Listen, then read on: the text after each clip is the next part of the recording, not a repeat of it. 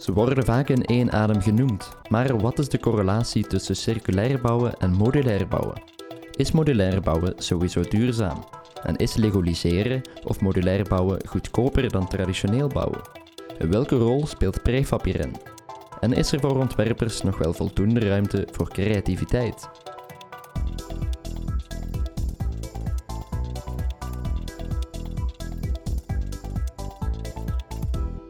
Welkom bij de Circubeeld podcast over de correlatie tussen circulariteit en modulariteit. Ook in deze aflevering hebben we weer drie experts uitgenodigd en zoals gewoonlijk is Wouter Polspoel uw host van dienst. Mijn naam is Stef Pennemans, ik ben de producent. Deze podcast werd mede mogelijk gemaakt dankzij Derbigum, Chuco, Gyprox Saint-Gobain en Janssen AG. Goedemorgen allemaal. Kunnen jullie zichzelf kort even voorstellen?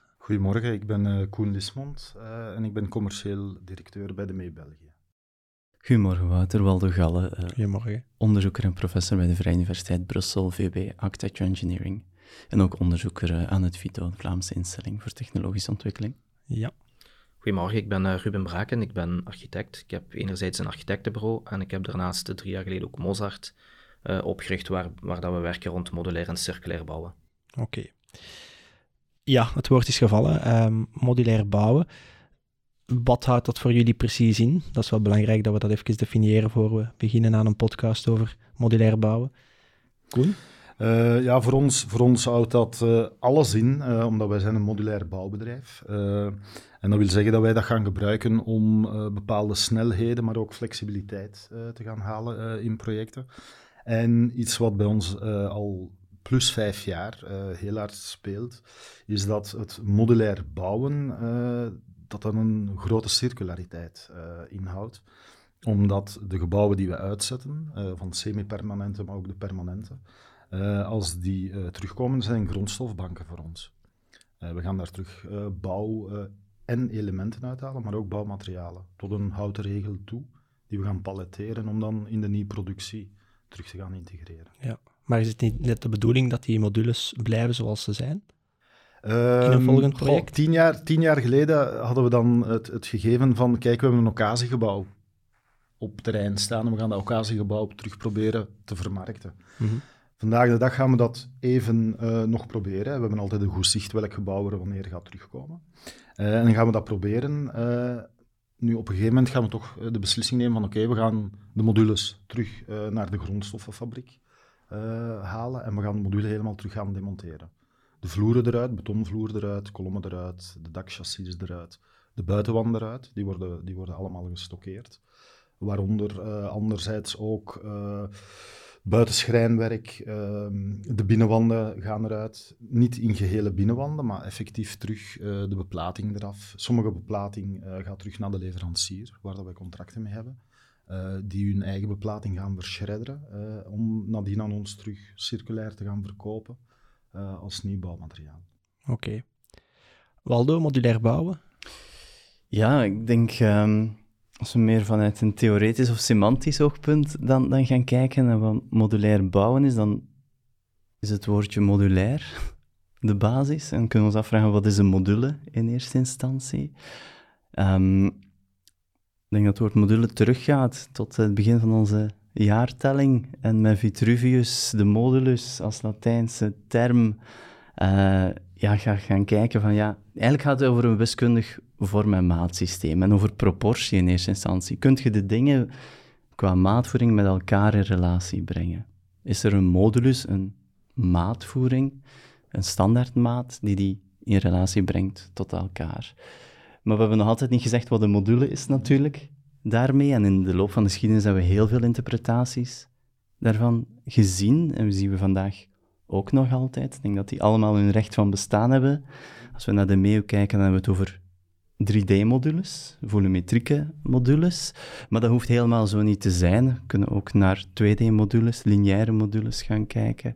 Uh, dingen die veel kleiner zijn uh, en die misschien zelfs daardoor makkelijker zelfs nog te hercombineren zijn. Ja, ik denk wat hier gezegd wordt door mijn twee collega's, dat dat klopt. Wij, vatten het eigenlijk samen als een soort van systeemdenken, waarin dat je inderdaad elementen ontwikkelt, elementen of componenten, die zowel 3D als 2D kunnen gecombineerd worden. maar die zo ontwikkeld zijn dat ze kunnen gemonteerd en demonteerd worden. En die het mogelijk maken om uh, nieuwe woonvormen, eigenlijk maatschappelijke uitdagingen uh, aan, te, te, aan te gaan. Die zorgen dat gebouwen misschien kunnen groeien en krimpen. Die zorgen dat um, een woning kan groeien, dat je intern verschuivingen van wanden kunt doen. En daarvoor is het natuurlijk nodig dat we elementen hebben die, als men ze herbruikt, ook in een, in een nieuwe toepassing kunnen hergebruikt worden, zonder daar, zo, zonder daar opnieuw energie in te steken.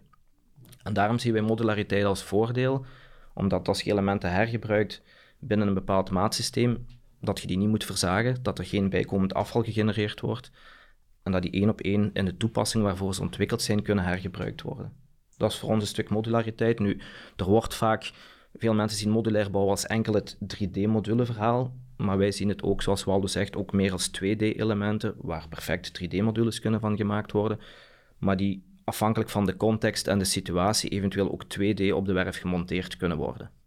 Ja, nu ik, volg helemaal hè, Ruben. Uh, en ook de opbouw van onze 3D-module bestaat uit een samenbrengen, uh, een hybride vorm zeg maar, van 2D-elementen. Onze buitenwanden zijn 2D-elementen uh, die, die we gaan kunnen inklikken.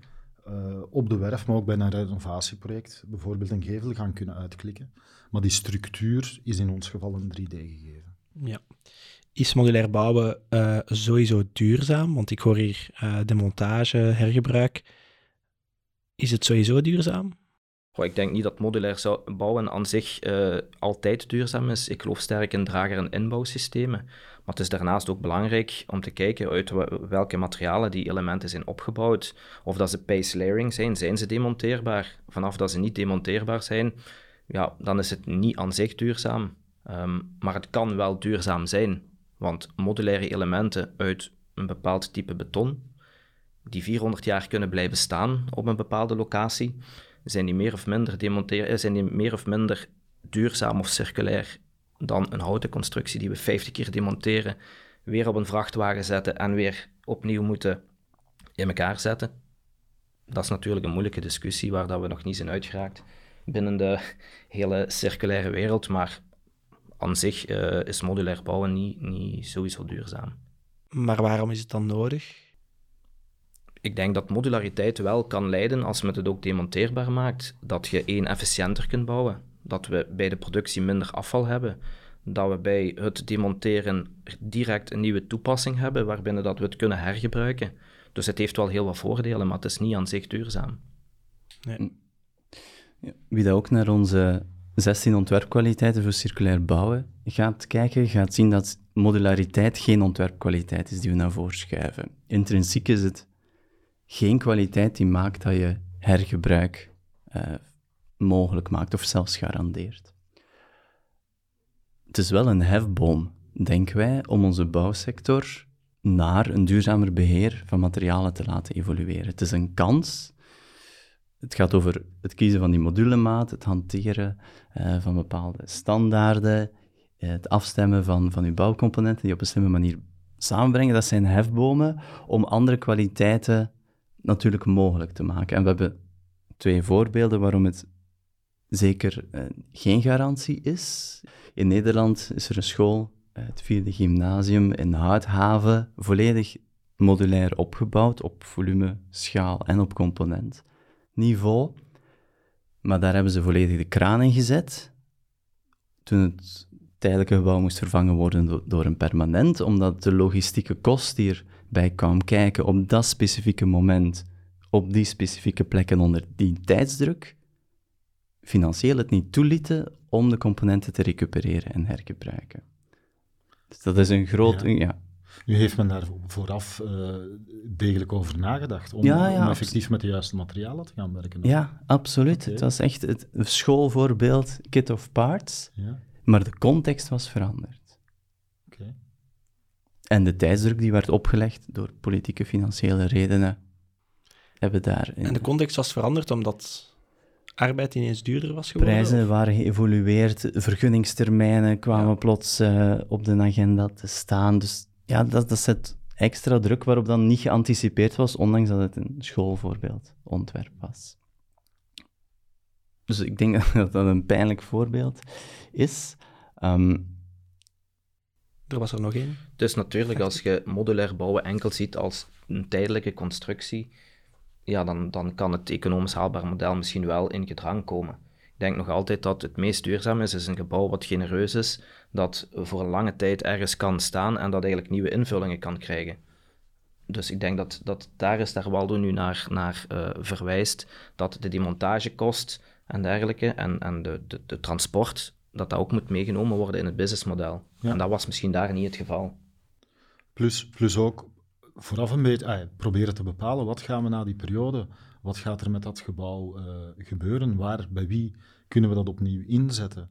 En, en, Scenarioplanning eigenlijk. Ja, scenarioplanning. En, maar je ook niet vastpinnen op. Uh, vandaag is het een school, uh, of, of daar was het een school, heb ik gehoord. Ik heb eigenlijk een heel mooi voorbeeld ervan. Wij hebben in ik denk dat we 2008 teruggaan, uh, hebben wij 2008, 9, hebben wij tijdelijk stationgebouw gezet uh, in Leuven, twee eigenlijk. Eén vanuit een Fast and Flex product, het andere van Comfort en Tech, waarom betonvloeren moesten aanwezig zijn, heel wat technieken. En wij wisten eigenlijk naar, naar de, de samenstelling van die module, waar dat we een beetje meer hadden aangeboden dan, dan gevraagd werd, wisten wij, we kunnen achteraf met dat gebouw alle kanten op. Uh, dat komt terug naar ons, we gaan dat herconditioneren. Uh, en dat gebouw is na zes maanden, zeven maanden, uh, is dat naar, naar BMW gegaan, een invoerder, en heeft dat daar drie jaar en half, vier jaar dienst gedaan als opleidingslokaal. Het enige dat we niet herbruikt hebben daarin waren de NMBS-loketten, want die zijn, zijn bijna space shuttles. Die hebben we gestockeerd, we hebben die achteraf in een ander project van NMBS willen kunnen, kunnen integreren. Uh, dat gebouw staat vandaag terug bij ons op terrein, hè, want die huurperiode uh, is voorbij. Uh, ik was vorige week in een ziekenhuis en, en het volgende, de volgende bestemming van dat gebouw gaat vermoedelijk in dat ziekenhuis zijn, waar dat een, een daghospitaal wordt. mooi.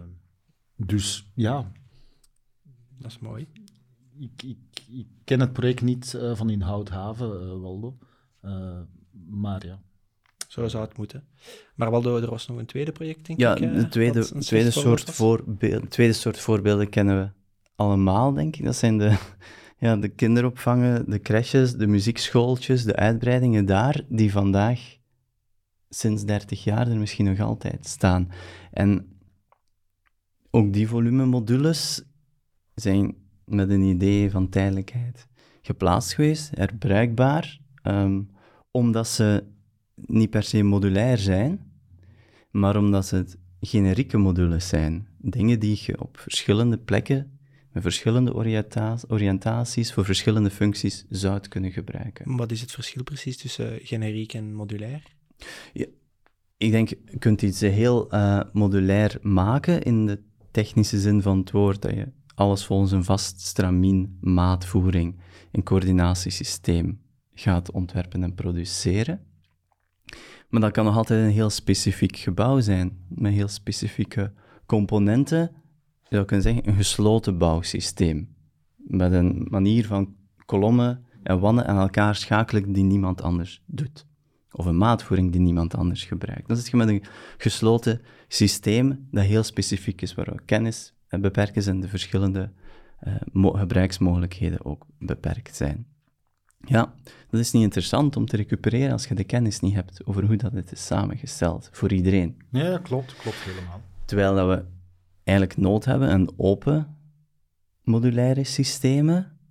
Dat wil zeggen, nog altijd eventueel een, een maatvoering, een afsprakenkader van hoe dat je de dingen samenbrengt, maar waarin iedereen zijn eigen componenten kan gaan steken, onafhankelijk van welke materialiteit dat die hebben, en ik denk dat we in de Lego-blokken, ja, als modulair voorbeeld, vaak worden gebruikt, ook zien. Ja, het aantal Lego-blokjes dat gemaakt wordt, dat breidt elk jaar uit. Daar zitten vandaag de zotste vormen in. Maar die heb je ook wel nodig om interessante dingen te doen, om, te om aan de veranderende behoeften van de maatschappij te blijven beantwoorden.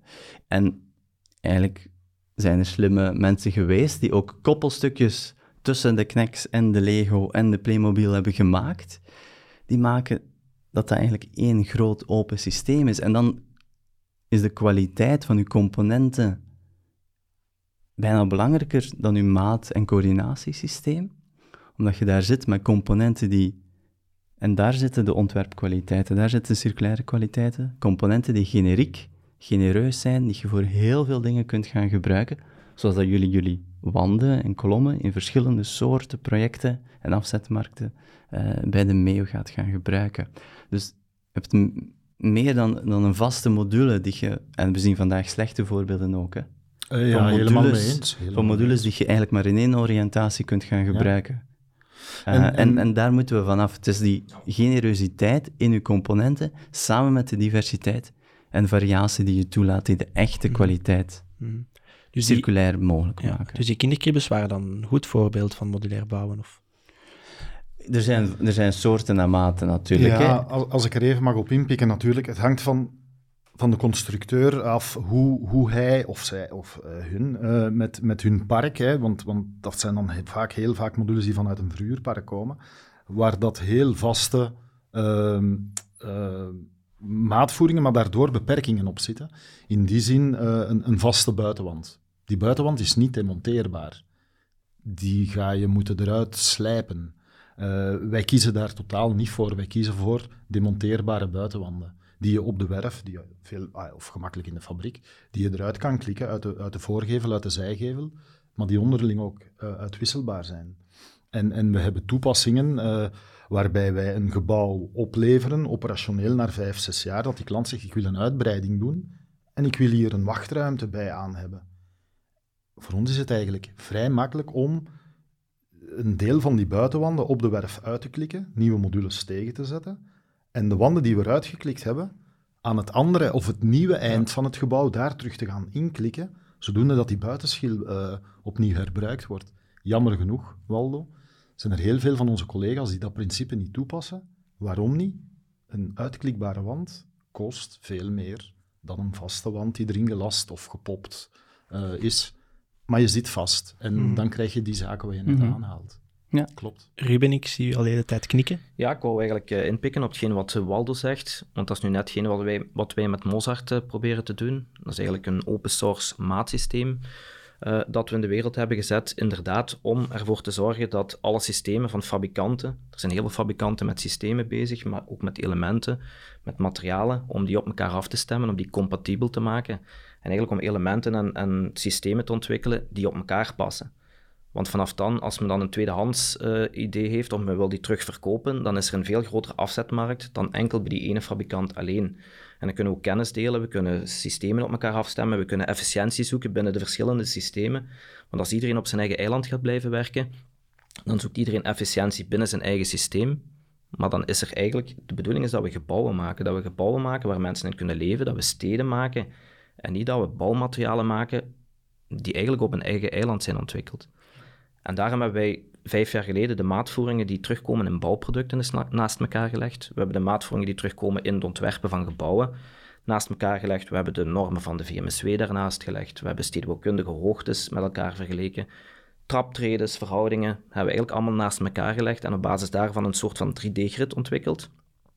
Die bepalen hoe breed bepaalde elementen kunnen zijn, hoe, dat, uh, hoe de traptredes, de hoogtes uh, kunnen doorlopen in appartementsgebouwen, hoe dat materialen op elkaar kunnen afgestemd worden. We hebben ook gekeken van welke bouwsystemen zijn er momenteel op de markt beschikbaar, van traditioneel tot houtskeletbouw, tot staalbouw, tot drager en inbouw.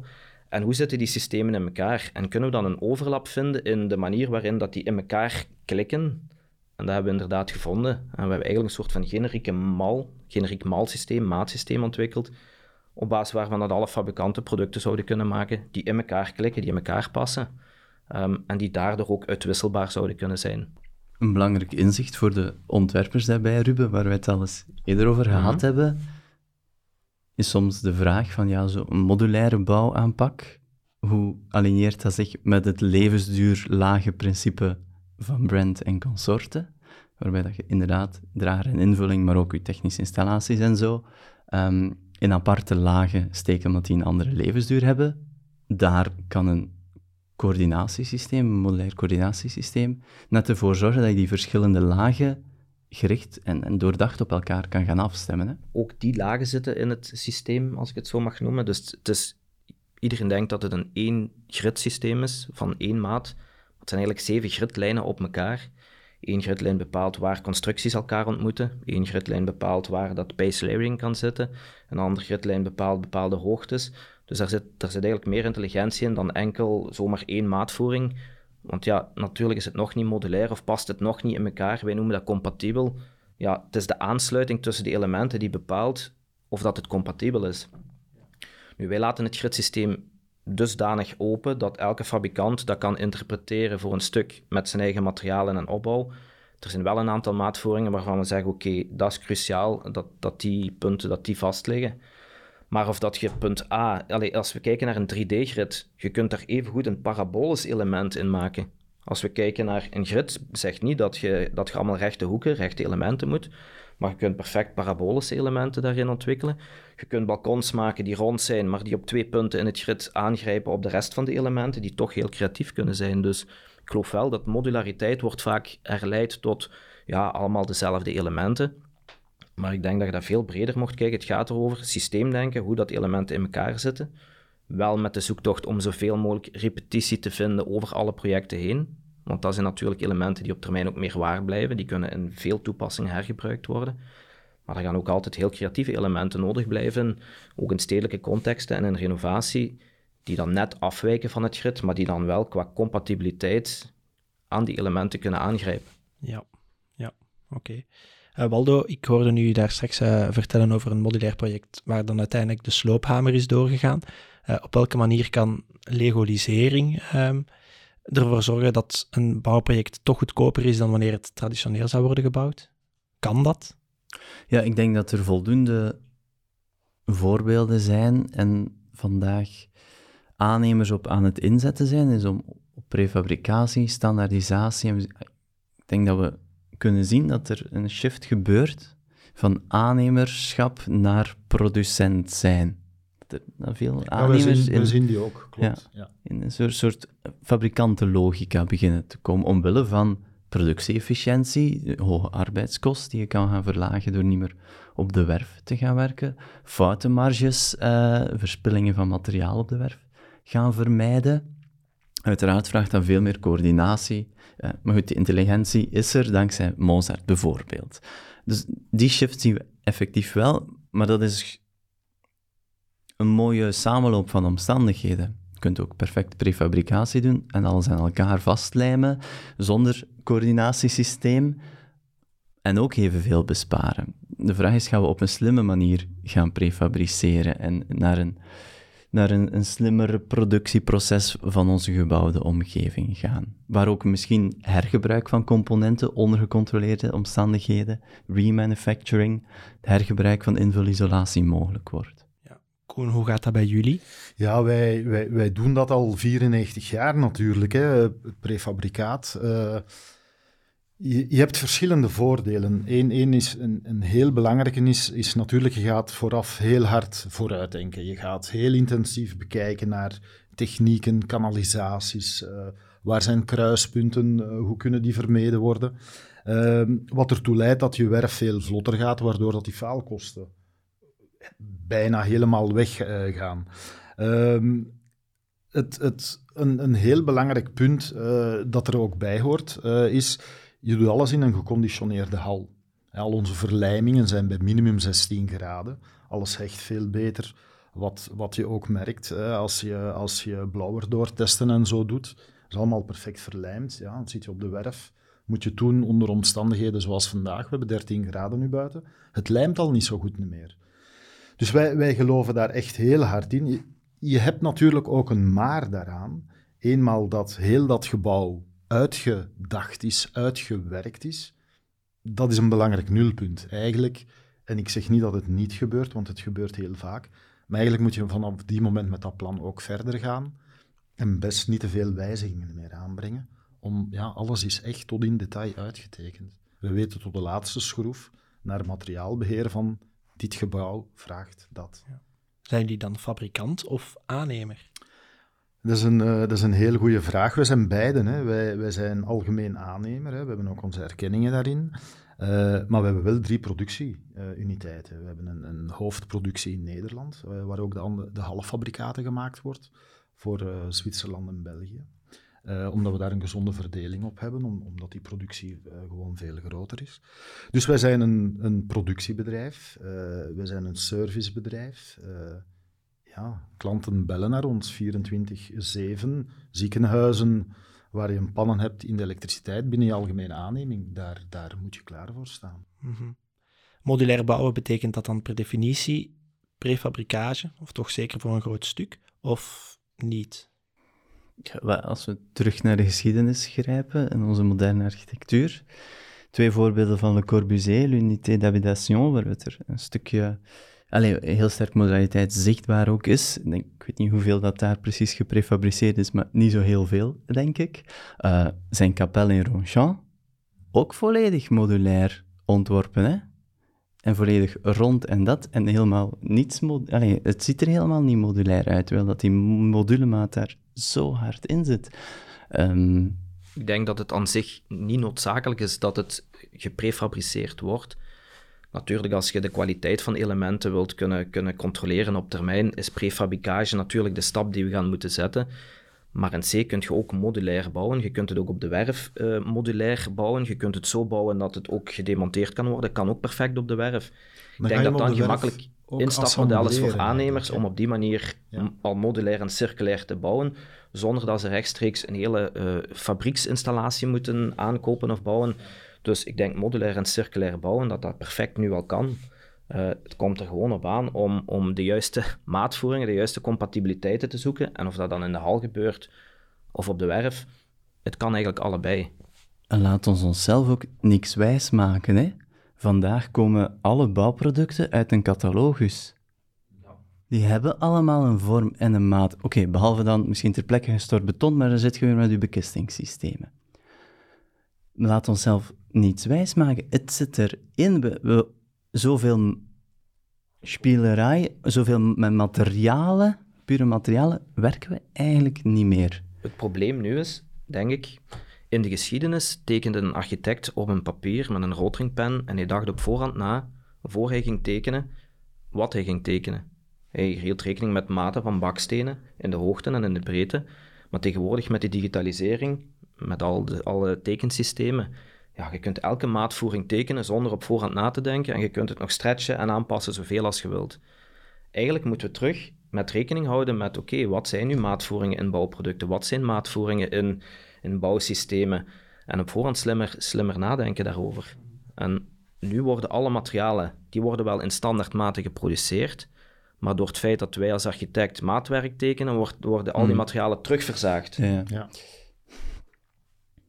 Ja, maar daar, daar krijg je eh, afval of verliezen over natuurlijk. Hè. Wij, wij, wij gaan bij, bij onze uh, producenten en, en ja, een steenwol is daar een heel mooi voorbeeld van. Wij gaan gestandaardiseerde uh, pakketten bij hun laten produceren om geen afval uh, daarop op te mhm. creëren. Wij, wij bekijken naar onze EPDM-dakbekledingen, de weinige snijverliezen die we erop hebben, we gooien die niet weg. Die gaan retour, daar worden nieuwe halffabrikaten voor onszelf van gemaakt. Ja, we houden daar rekening mee. Ieder, ieder snijverlies is een kostverlies dat je ook creëert, los van het materiaal. Ja. Ruben, om nog even terug te komen op uw eh, architect met, uh, met de pen die eigenlijk from scratch uh, begint. Een veelgehoorde opmerking is dat modulariteit de creativiteit van de architect beknopt. Is dat zo, volgens jullie? Ik denk persoonlijk, als ik naar mezelf kijk, voor mij ligt creativiteit niet in het tekenen op centimeters of ik nu een gebouw teken van 13,22 meter of een gebouw wat rekening houdt met bepaalde maatvoeringen, voor mij beknopt dat niet de creativiteit. Voor mij is een gebouw een, is een levend object wat gecreëerd voor bewoners, voor, voor bewoners op een langere periode, niet voor één bewoner, maar eerder een generiek, uh, een generiek, generiek bouwsysteem. Um, en creativiteit zit hem in de wijze waarop dat je ruimtes met elkaar verbindt, in de wijze waarop dat je binnenkomt en een bepaald gevoel krijgt in een ruimte. De materiaalcombinaties die je maakt, niet de materialen aan zich, of dat nu een bepaald, een bepaald maatwerk is. Dus ik heb wel het gevoel dat ik met, al is het modulair, heel creatief kan zijn. Plus wat ik ook vaak zie als ik maatwerkprojecten teken, alles wat maatwerk is, kost twee keer zoveel en verdwijnt ook soms uit een project waar dat je heel veel tijd hebt ingestoken om iets op maat te ontwikkelen, wat dan uiteindelijk op basis van de kostprijs er weer uitgaat.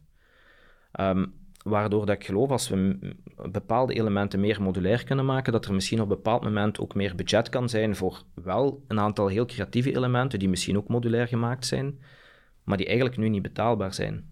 Ja, ik weet eigenlijk niet goed van waar dat die, die opmerking komt. Tegen mij heeft een ontwerper dat nog nooit gezegd. Dus ik, heb dat, ik heb dat wel al gehoord. Ja, dus ik ben, ik ben benieuwd naar de reacties ik, ik zou niet meer kunnen zeggen van ja. wie, maar... Ik ben benieuwd op de reacties uh, op deze podcast. Okay. Maar ik heb dit... Ik heb, allee, dan nodig ik de, de mensen uh, uit om dit boek eens te bekijken. Die Lego Architect. Uh, het gaat dus over hoe dat je iconische gebouwen, architectuur in Lego bouwt. Het was een verjaardagscode dat ik Geschreven door wie? Door, uh, door Tom Elfen. Ja. Uh, en hij toont op een heel technische manier hoe je met standaard Lego-blokken echt de meest iconische architectuur uh, kan, gaan, kan gaan nabouwen. Echt projecten die ook niet modulair zijn allemaal, hè? waarbij dat hij zegt hoe dat je ronde dingen kan maken, hoe dat je getrapte dingen kunt maken, scheef, uh, wat dat je maar wilt. Allemaal standaard Lego-blokken nog. En dan hebben we het eigenlijk enkel over wat je allemaal kan doen met een gesloten bouwsysteem. Als we daar dan nog eens wat zottere componenten aan toevoegen, dan, dan denk ik dat er heel veel mogelijk is. En als niet-modulaire gebouwen met Lego kunnen worden gemaakt, dan is het punt eigenlijk weer licht. Hè? Ik denk het. Ja. Eigenlijk zijn bakstenen ook modulair. Natuurlijk, de maat van bakstenen is vaak niet afgestemd op de maatvoering van gipskartonplaten. En daar zit nu net de kracht van modulariteit en, en een bepaald maatsysteem, dat die maten wel op elkaar worden afgestemd. Ik denk dat daar een beetje de schrik van komt bij architecten, en daar ben ik zeven jaar geleden misschien ook tegenaan gelopen. Modulariteit wordt vaak geproduceerd door één fabrikant, waardoor dat bepaalde richtlijnen vastliggen vanuit die fabrikant. Maar de producten van de fabrikanten volgen niet het product van die fabrikant. Ik denk dat als we alle producten van alle fabrikanten volgens hetzelfde maatsysteem kunnen op elkaar afstemmen, dan ontstaat er ineens een heel palet wat perfect modulair op elkaar past, waar dat je terug dezelfde creativiteit mee gaat hebben als we nu gewoon zijn. Ja. Dat is natuurlijk in de ideale wereld. Hè?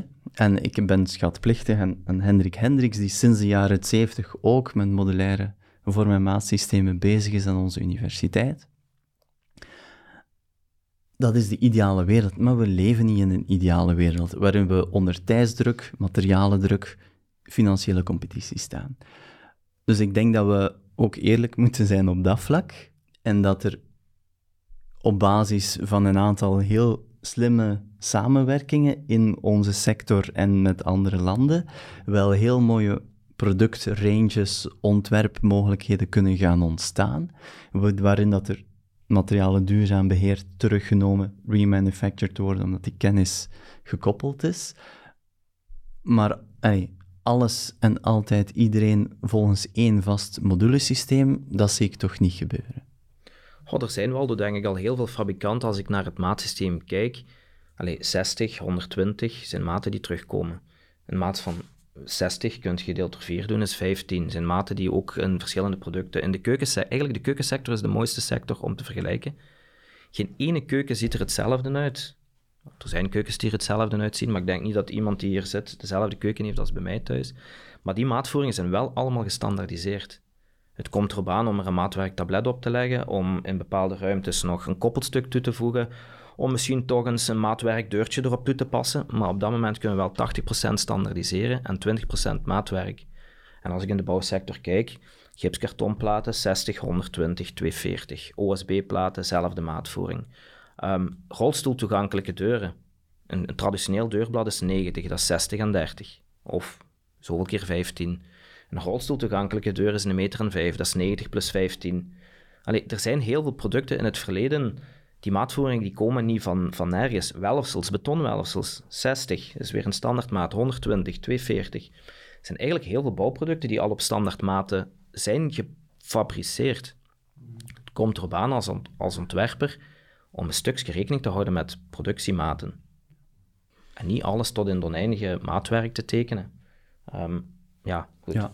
Nee, nee, ik kan, kan daarin volgen, hè, maar we gaan nog altijd moeten toelaten dat er aansluitingen worden gemaakt die misschien niet hergebruikt kunnen worden, maar wel efficiënt gerecycleerd op termijn. In een vorm- en maatsysteem, waar we het nog niet over gehad hebben, zijn toleranties bijzonder belangrijk. En ik denk dat het patent van Lego, als iemand daar eens kan naar kijken, de toleranties die daarin voorzien zijn, maken dat je ook kromme dingen kunt gaan uh, maken in Lego. En dat je op die toleranties zelfs kunt gaan spelen. Een heel mooi Twitter-account over trouwens.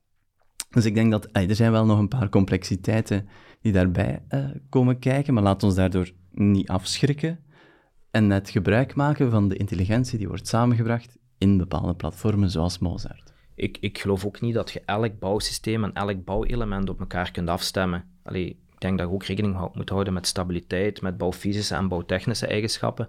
Maar het, het kan wel een, een bepaald systeem die denken promoten. Allee, wat, moet, wat moet met elkaar compatibel zijn? Dat kan zijn dat je een, een ruwbouwstructuur hebt waar alle, alles wat aan de binnenkant compatibel is met het ruwbouwsysteem. Maar het kunnen ook andere ruwbouwsystemen zijn. Het kunnen kolommen en balken met de elementen. Dat kan een compatibiliteit zijn. Maar alles met alles compatibel, alleen dat is nu ook niet hetgene wat we rechtstreeks nastreven. Trouwens wel, wat wij ook, allee, in elk project worden er nieuwe elementen ontwikkeld. Dat is ook een niet mhm. eindig iets. Het is niet dat je kunt zeggen, dit is de bouwdoos en daar stopt het. Mhm. Dat is ook hetgene wat we willen promoten en wat we ook doen met, met bepaalde architectenbureaus, is om binnen projecten nieuwe elementen te ontwikkelen, maar dan wel te zoeken naar hoe kunnen we die dan nog in andere projecten inzetten en hoe zijn die dan zo duurzaam mogelijk op lange termijn door ze compatibel te maken en, en ja, dus. Ik, denk, ik denk dat het in, in elk geval ook heel belangrijk is dat ontwerpers bepaalde spelregels die ook wij gaan hebben van dat kan, dat kan ook, maar hè, je wilt die maar er niet aan koppelen, want dan, dan hoor je vaak een financieel gevolg uh, ervan. Mooi voorbeeld eruit is uh, de creativiteit. Uh, beperkt dat de ontwerpers? Wij vinden uiteraard uh, van niet. En, en als ik dan even reflecteer naar, naar dit jaar, hè, wat nog niet om is, hebben wij twee design- en beeldwedstrijden die ons heel fris in het geheugen liggen. Eentje is net drie weken geleden gegund.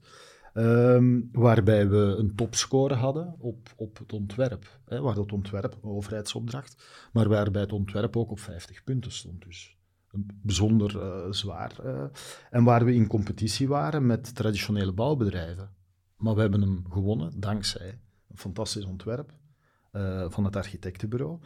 Een ander project, jammer genoeg stilgelegd, een beetje we wegens de hoge grondstofprijzen. maar daar hebben wij ook, kwamen wij ook als beste voor de klas met het ontwerp. En waren wij de vreemde eend in, in de bijt, want we waren het enige modulaire bouwbedrijf tegen vier, vijf uh, traditionele bouwbedrijven. Dus zijn er beperkingen? Nee, er zijn spelregels. Ja. Maar die heb je bij de traditionele bouw ook, denk ik. Mm. En hoe is uw samenwerking dan met die ontwerpers? Heel fijn. Uh, natuurlijk heb je, uh, ja, moet ik dat zeggen? Natuurlijk moet je hen bepaalde inzichten meegeven. We hebben een bibliotheek van, van ons type modules uh, die we hebben, de units, zeg maar. En, en ja, wij bezorgen die bibliotheek. Uh, onze interne ontwerper, tekenaar, heeft een, een, een uurtje een overleg van dit kan, dat kan niet. Maar teken het uit hoe dat je hem denkt. Uh, en dan krijgen wij een plan terug. En ja, dat is dan de ervaring die onze tekenaars hebben. Wij gaan modules ook al eens een dwarsrichting plaatsen. En niet allemaal op één lijn, maar we gaan die draaien en keren, zodat je bepaalde kolommen ook hebt die, die natuurlijk wegvallen. Uh, en, en die ontwerpers hebben dat heel rap, uh, heel rap in. Er komen vaak ideeën uit dat we denken van oké, okay, pakken we bij een volgend project uiteraard ook wel mee. Dingen die we kennen van Willy van der Meren en, en anderen. Ja. Jean Prouvé en zo, die ook heel, heel ontwerpmatig met modulariteit omgingen. Ja. Maar dus een modulair bouwproject komt wel op een andere manier tot stand dan een traditioneel bouwproject. Daar liggen de verhoudingen toch wel anders. Ja, het, het allerbelangrijkste is um, dat we samen uh, met de ontwerper uh, van in de beginfase kunnen samen, uh, samenwerken eraan. als die een project helemaal traditioneel gaat vormen, dan gaan wij het als modulair bouwer moeilijk hebben. We gaan daar naartoe, kunnen werken, we gaan het heel sterk kunnen benaderen, maar het gaat en snelheid wegnemen en ook ja, financieel gaat het ons extra inspanningen kosten. Um, en we hebben ooit een project gehad, een, een, een project van, ik denk bouw waarde zaten, of offertewaarde zaten we ergens aan, aan 3,8 miljoen euro. Dus geen klein project. Uh, vanuit een traditioneel tekenwerk opgesteld, ontwerp. Uh, wij hebben dan uh, in onderhandelingen ons eigen ontwerp erin gebracht. Met heel kleine aanpassingen. Links en rechts een halve meter en 20 centimeter, noem maar op. Maar daar ging 400.000, 500.000 euro van de kostprijs af, van de offerteprijs af. En het ontwerp zag er eigenlijk bijna hetzelfde uit. Ja, amai. Ja. ja. Ik denk wat, uh, wat Koen zegt, dat het heeft te maken met een stuk voor-engineeren. Als je nu kijkt, een prototype, hè, architecten tekenen prototypes. Ik vergelijk het even met de autosector. Als ik nu vooral doe een auto kon tekenen, een Audi A10, uh, geef, maar een, geef maar een voorbeeld. Het mag ook een Skoda zijn, Waldo. nee, maar, nee, uh, maar, maar, als ik, maar als ik op die manier een auto moest tekenen en dan naar Audi zou doorsturen, dan zou die auto 6 miljoen kosten. Want die moet helemaal geïngineerd. Uh, op het moment dat die dan aangekocht zijn, dan zou de bumper misschien niet open gaan. En zo, de, de airbag, sorry. Um, en zo werken we eigenlijk nu in de bouwsector. We zijn iedere dag maatwerk aan het tekenen, waar dat een heel proces achter komt. Een heel proces van engineering, van, van uitvoering op de werf, van bouwproblemen, toch ook niet te onderschatten, van budgetproblemen. En het gaat eigenlijk over voorengineeren, op voorhand slim nadenken hoe dat iets gemonteerd en demonteerd kan worden. Weer het systeemdenken wat ik, wat ik uh, bedoel. Um, En ja, ik denk, en daarvoor is natuurlijk samenwerking nodig. Absoluut. Allee, je hebt fabrikanten die bepaalde inzichten hebben, die bepaalde productie... Uh, eigenschappen hebben. Je hebt ontwerpers die bepaalde creatieve inzichten hebben, maar misschien ook kunnen meedenken. Dus het gaat eigenlijk uh, over, over samenwerking. Ja. En dat is een heel belangrijk item uh, wat we proberen te promoten binnen Mozart. Dat grid is open source, maar we proberen eigenlijk samenwerking en co-creatie te bekomen tussen ontwerpers, fabrikanten, aannemers en architecten, om eigenlijk ja. te voor-engineeren. Ja, daarom vind ik design en beeld zijn, zijn de beste projecten. Die heb je samen met de ontwerper ontworpen als bouwbedrijf, als producerend bedrijf. Het zijn gewoon de beste projecten. Ja, ja of, of was de rol van de opdrachtgever daar dan in? Want allee, als jullie... Allee, de link met uh, de autosector is interessant, omdat we daar ook met iets anders zitten. onlangs nog in een studiedag geleerd, een soort extended producer responsibility. De sector en Europa hebben daar gemaakt dat fabrikanten op lange termijn verantwoordelijk zijn, ook voor het recupereren van batterijen. Mhm. En daar, ja, zich daar zijn naar gaan organiseren, ook hun producten zijn naar gaan afstemmen. Dat hebben we in de bouwsector niet. Tenzij dat je natuurlijk bepaalde overeenkomsten met de opdrachtgever hebt, die, die een plan heeft voor dat gebouw, naar onderhoud toe, naar uitbreidingen toe, ja, nu, nu heel belangrijk, eh, ongeacht design of beeld of niet, heel belangrijk is natuurlijk heel goed weten wat, wat wenst die gebruiker, wat wenst die bouwheer, wat wensen zijn, uh, zijn personeel of zijn gebruikers, patiënten, noem maar op. Om dat heel, heel goed begrepen te hebben van wat is het doel. Nu, ik kijk dan even naar Ruben, maar dat is de taak vaak van de architect, om heel goed te weten van uh, hoe, werkt een, hoe werkt dat gebouw. Ja. Vandaag en morgen vandaag en morgen. Nu, uh, heel vaak, heel vaak, altijd uh, heeft, heeft iedere bouwheer het probleem, we hebben geen glazen bol.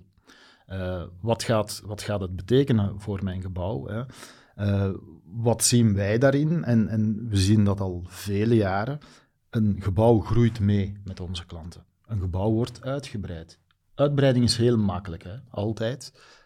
Maar onze klanten, hun gebouwen, die krimpen ook. Mm vandaag, bij wijze van spreken, heeft een klant van ons een drielaags... Oh, begonnen met een tweelaags gebouw, maar we hebben er een paar meter voor en achter bij geplaatst.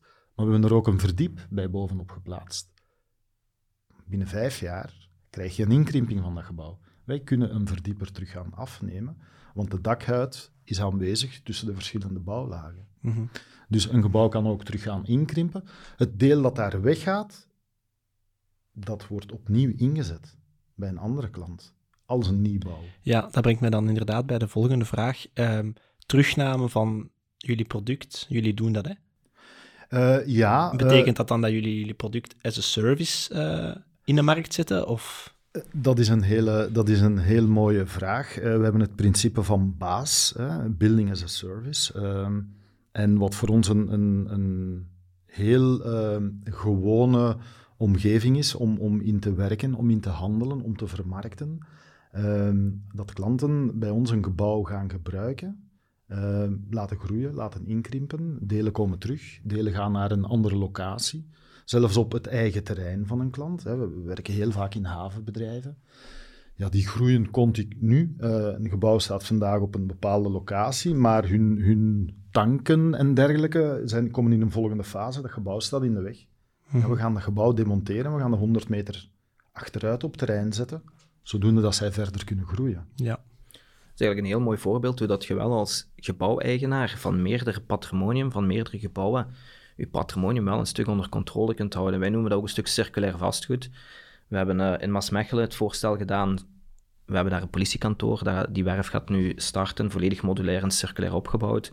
En de vraag was, ja, we willen nog een girolokaal in een tuinwijk, maar die mag daar maar vijf jaar staan. Nu, ze hadden het idee om het politiekantoor op termijn uit te breiden, omdat de politiezones fusioneren met elkaar en, en er dan waarschijnlijk een bijkomende vraag ging zijn. En we eigenlijk met dezelfde elementen opgebouwd, met het idee als we dat over vijf jaar dat gierlokaal afbreken, dat we dat kunnen gebruiken om het politiekantoor uit te breiden. Mhm. Op die manier koopt je twee gebouwen op een bepaald moment, waarvan je de elementen kunt hergebruiken. Je koopt geen gebouw wat je nadien moet slopen, één.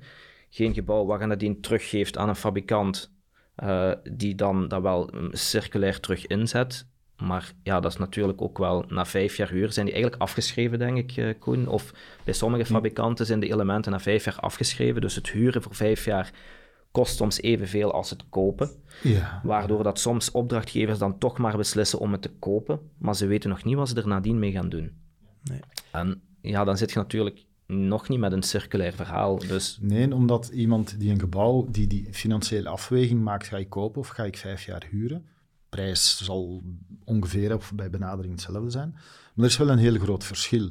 In geval van dat, hij, dat men vijf jaar dat gebouw gaat huren, zijn wij als verhuurder verantwoordelijk voor alles. Gaat er morgen een van de technieken kapot, men belt naar onze servicelijn. En men gaat die techniek, ze moeten onderhouden geweest zijn uiteraard, hè, volgens logboeken en dergelijke. Maar gaat die techniek kapot, gaan we die vervangen. Daar wordt, daar wordt niet moeilijk over gedaan. Dus men heeft vijf jaar een operationeel gebouw in gebruik. Ten, eh, als je eigenaar bent ja, en er gaat iets stuk, ja, dan, ga, dan ga je het ook zelf moeten betalen. Mhm, mhm. En jullie nemen op het einde ook terug als die zegt: Ik heb vijf jaar gehuurd, maar het is tijd voor iets anders? Oh ja, wij hebben, wij hebben uh, Waldo, zelfs uh, al een plan of een nieuw plan voor dat volgend uh, gebouw. We komen soms in het omgekeerde terecht, dat wij echt een plan hebben om dat gebouw elders te gaan zetten voor een nieuwe klant. Dat die eigenaar zegt, oh, we willen het nog een jaar of nog vijf jaar verder gebruiken. Kan dat, mag dat? Ja, uiteraard, heel graag, want dat is een tevreden klant.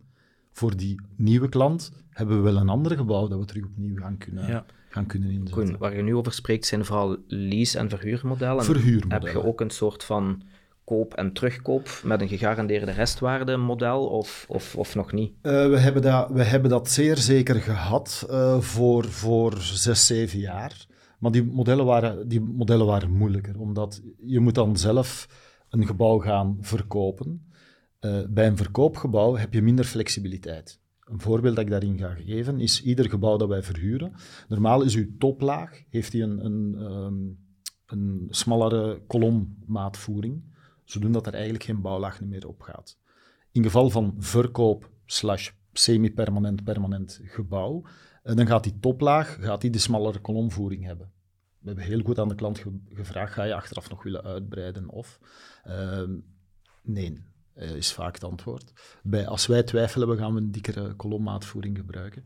Maar in het geval van onze huurprojecten gaan we altijd een dikkere kolommaatvoering gebruiken. We gaan altijd zien dat de tussendaken, tussenvloeren, met de juiste ehm, eh, isolatiematerialen uh, um, geproduceerd zijn, zodoende dat we achteraf alle flexibiliteit hebben naar herinzetbaarheid.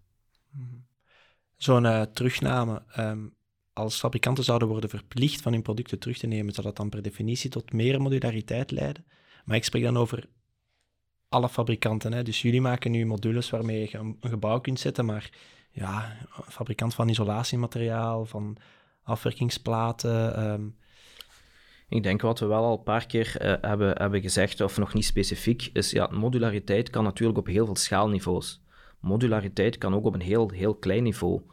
Um, Allee, een fabrikant kan elementen maken van 5 centimeter op 5 centimeter en, en, en die oneindig uh, modulair laten kunnen groeien. Ik geloof wel dat fabrikanten wel op een andere manier gaan denken als ze het moeten terugnemen. Want dan gaan ze wel nadenken over hoe, dat ze het één kunnen demonteren. Twee, wat zijn dan de basiselementen om die zoveel mogelijk terug te kunnen inzetten? Hoe groot zijn die dan? Uh, wat kosten die dan? Um, ja, wat kunnen we daar dan nog mee? Dus ik geloof wel dat modulair denken aan zich, dat dat, dat daardoor wel gaat uh, gepromoot worden, of dat dat wel in het denken van de fabrikanten ook gaat meegenomen worden. Ja. En, en kan, je dat, kan je dat overal toepassen? Nee, dat denk ik niet. Je gaat dat ook niet wettelijk kunnen bepalen. Uh, nu, nu, wij hebben wel de kracht dat wij met, met 15, 16 van onze leveranciers die afspraken wel hebben van als je voor ons wil leverancier zijn, hangt er een verplichting aan dat na een huurperiode van 5, 6, 12 jaar, dat je bepaalde, bepaalde materialen gaat terug moeten bij ons terugnemen. En niet alleen dat, je gaat ze ook moeten gaan verwerken als nieuw uh, basismateriaal voor eigen product. Oké, okay. uh, we gaan stilaan afronden. Uh, ik zal twee vragen even bundelen. Wat is voor jullie een, het schoolvoorbeeld van een modulair bouwproject? Ehm, en voor welke modulaire oplossing, en in uw geval, uh, Koen, kan ik het al raden, zien jullie een, uh, een grote toekomst weggelegd? Ik vind het moeilijk om een heel concreet project uh, nu op dit moment naar voren te schuiven, omdat in het verleden is er wel modulair gebouwd, maar circula circulariteit is een begrip waar we de laatste twee jaar zien, waar dat economische modellen moet je altijd in een bepaalde tijdsperiode zien. En als we kijken naar het verleden, ja, het economisch model was niet uitwisselbaarheid, maar was vooral efficiëntie en snelheid. Um, ja. Er zijn nu wel projecten die in aantocht zijn, die zowel een modulariteit, circulariteit, duurzaamheid en ook een economisch haalbaar model naar voren schuiven. Maar die voorbeelden zijn nog niet volledig klaar, denk ik. Dus allee, vraag me over twee jaar uh, welk project, dan, dan denk ik wel dat er van die projecten zullen zijn. Oké. En welke oplossing is voor u heel veelbelovend? Goh, voor mij is, uh, ja, ik geloof natuurlijk heel sterk in modulariteit gecombineerd met circulariteit. Ik wil daar misschien wel nog het voorbeeld geven. We hebben nu met Kras Architecten het Gent, hadden, waren we geselecteerd voor de Impact Factory in, uh, in Mechelen. We hebben het project niet binnengehaald, maar we hadden op circulariteit wel uh, heel veel punten omdat we hadden nagedacht over een soort van deelsysteem binnen een, een start-up omgeving. Uh, waar dat modulaire elementen door de start-ups gehuurd konden worden of geleased op het moment dat ze dat nodig hadden. Die konden aangevuld worden met gepersonaliseerde elementen. Maar waarbij dat het gebouw eigenlijk een depot was van elementen, maar waar dat we ook hadden nagedacht over een economisch haalbaar model. En waar de circulariteit niet herleidt tot, ja, we gaan grondstoffen hergebruiken en we gaan een baksteen recupereren en terug inmetsen, om dan over 30 jaar hetzelfde probleem te hebben denk dat economisch verhaal dat een heel belangrijke hefboom moet zijn om, om circulariteit uh, in de praktijk om te zetten. Dus dat is een heel belangrijk punt, denk ik. Economisch haalbaar model creëren voor uh, circulair bouwen. Oké, okay. Waldo? Ja, ik denk ook dat, dat we het systeembouw moeten gaan inzetten met een modulemaat voor die gebouwonderdelen die ook de hoogste turnover hebben, in de zin van aanpassingen die nodig zullen zijn. Hè. Laat ons vooral uh, op een slimme manier modulariteit en systeembouw gaan inzetten. En dan denk ik in de eerste plaats aan de technische installaties, die vaak wel onzichtbaar zijn in het architecturale debat, maar die eigenlijk heel herstelbaar, aanpasbaar, upgrade wel onderhoudbaar moeten zijn. En ik, ik geloof dat daar um, misschien wel sneller stappen naar servicemodellen, naar het effectief sluiten van kringlopen, het hergebruik van installaties mogelijk moet zijn. Maar... En dus modulariteit. En modulariteit is een, een, een, hefboom daarvoor. Ja. Ik denk dat heel veel producten al relatief modulair zijn opgebouwd, maar dat we dat nog verder kunnen uitspelen als we daar ook in ons ontwerpen rekening mee gaan beginnen houden. En dan, dan naar fit-out eh, van ons gebouw. Hè. Voor mij is dat een no-brainer.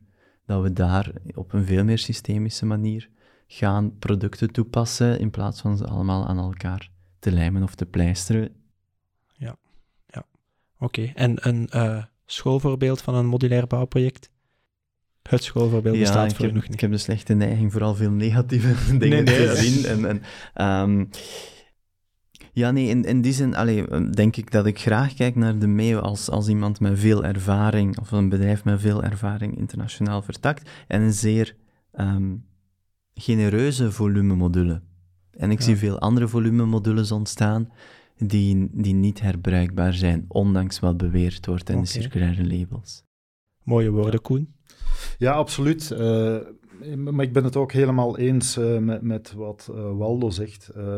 Wij gaan, wij gaan als de meeuw niet schieten op alles wat er op de markt beweegt. we hebben een filosofie, we, we, investeren daar heel hard in. Ons, ons grondstoffenfabriek is niet vandaag dat je zegt van hé, hey, we maken daar gigantische winsten op, want een, een gebouw terug gaan demonteren om te gaan hergebruiken, ja, dat paletje met houten regeltjes koop je gewoon goedkoper aan.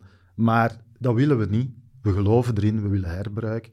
Onze eigen uh, halffabrikaten gaan herbruiken, circulair opnieuw inbrengen. Uiteraard gaan updaten, want dat is nodig ook. Uh, maar we weten wel, als we, dit, uh, als we dat aan dit tempo blijven doen, dat we binnen vijf jaar veel, veel verder staan dan vele van onze collega's. Ja. En wat is voor jullie een referentieproject? Goh, om daar één op te plakken vind ik het moeilijk. Uh, we hebben er heel veel nu. Ik heb een heel mooi. Um, en, en dat dateert al van in 98. Uh, hebben wij een bank gebouwd, een heel mooi gebouw. Ik, ik ga geen uh, namen van, van banken noemen, maar een heel mooi gebouw dat een bank was. Dat heeft een jaar of zes dienst gedaan. Dan hebben we dat gebouw verhuisd, opnieuw geconfigureerd. Hè, want het werd een hogeschool. Uh, daar heeft dat weer een jaar. Oorspronkelijk was de bedoeling vijf, maar dat blijft dan altijd een beetje langer. Uh, een, een gebouw met, met drie bouwlagen, betonvloeren in, een, een hogeschoolgebouw. En dan is dat uh, verhuisd naar uh, Delft, uh, naar de Technische Universiteit van Delft.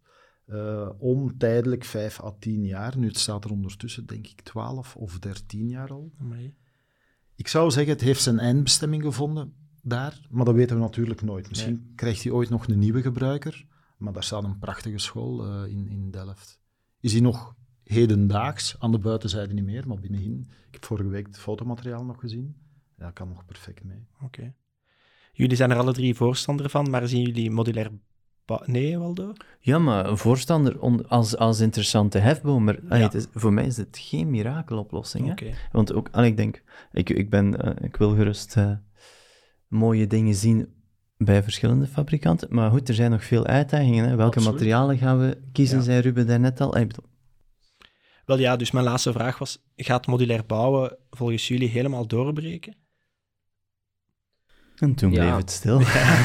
Nee, maar ik denk, het gaat over wat is de definitie van modulair bouwen. En als, ik, als we het dan hebben over, like ik het zei, systeemdenken en over dingen aan elkaar koppelen en, en slim samenwerken en voorengineeren, dan geloof ik daarin dat dat absoluut de mhm. weg is om te gaan.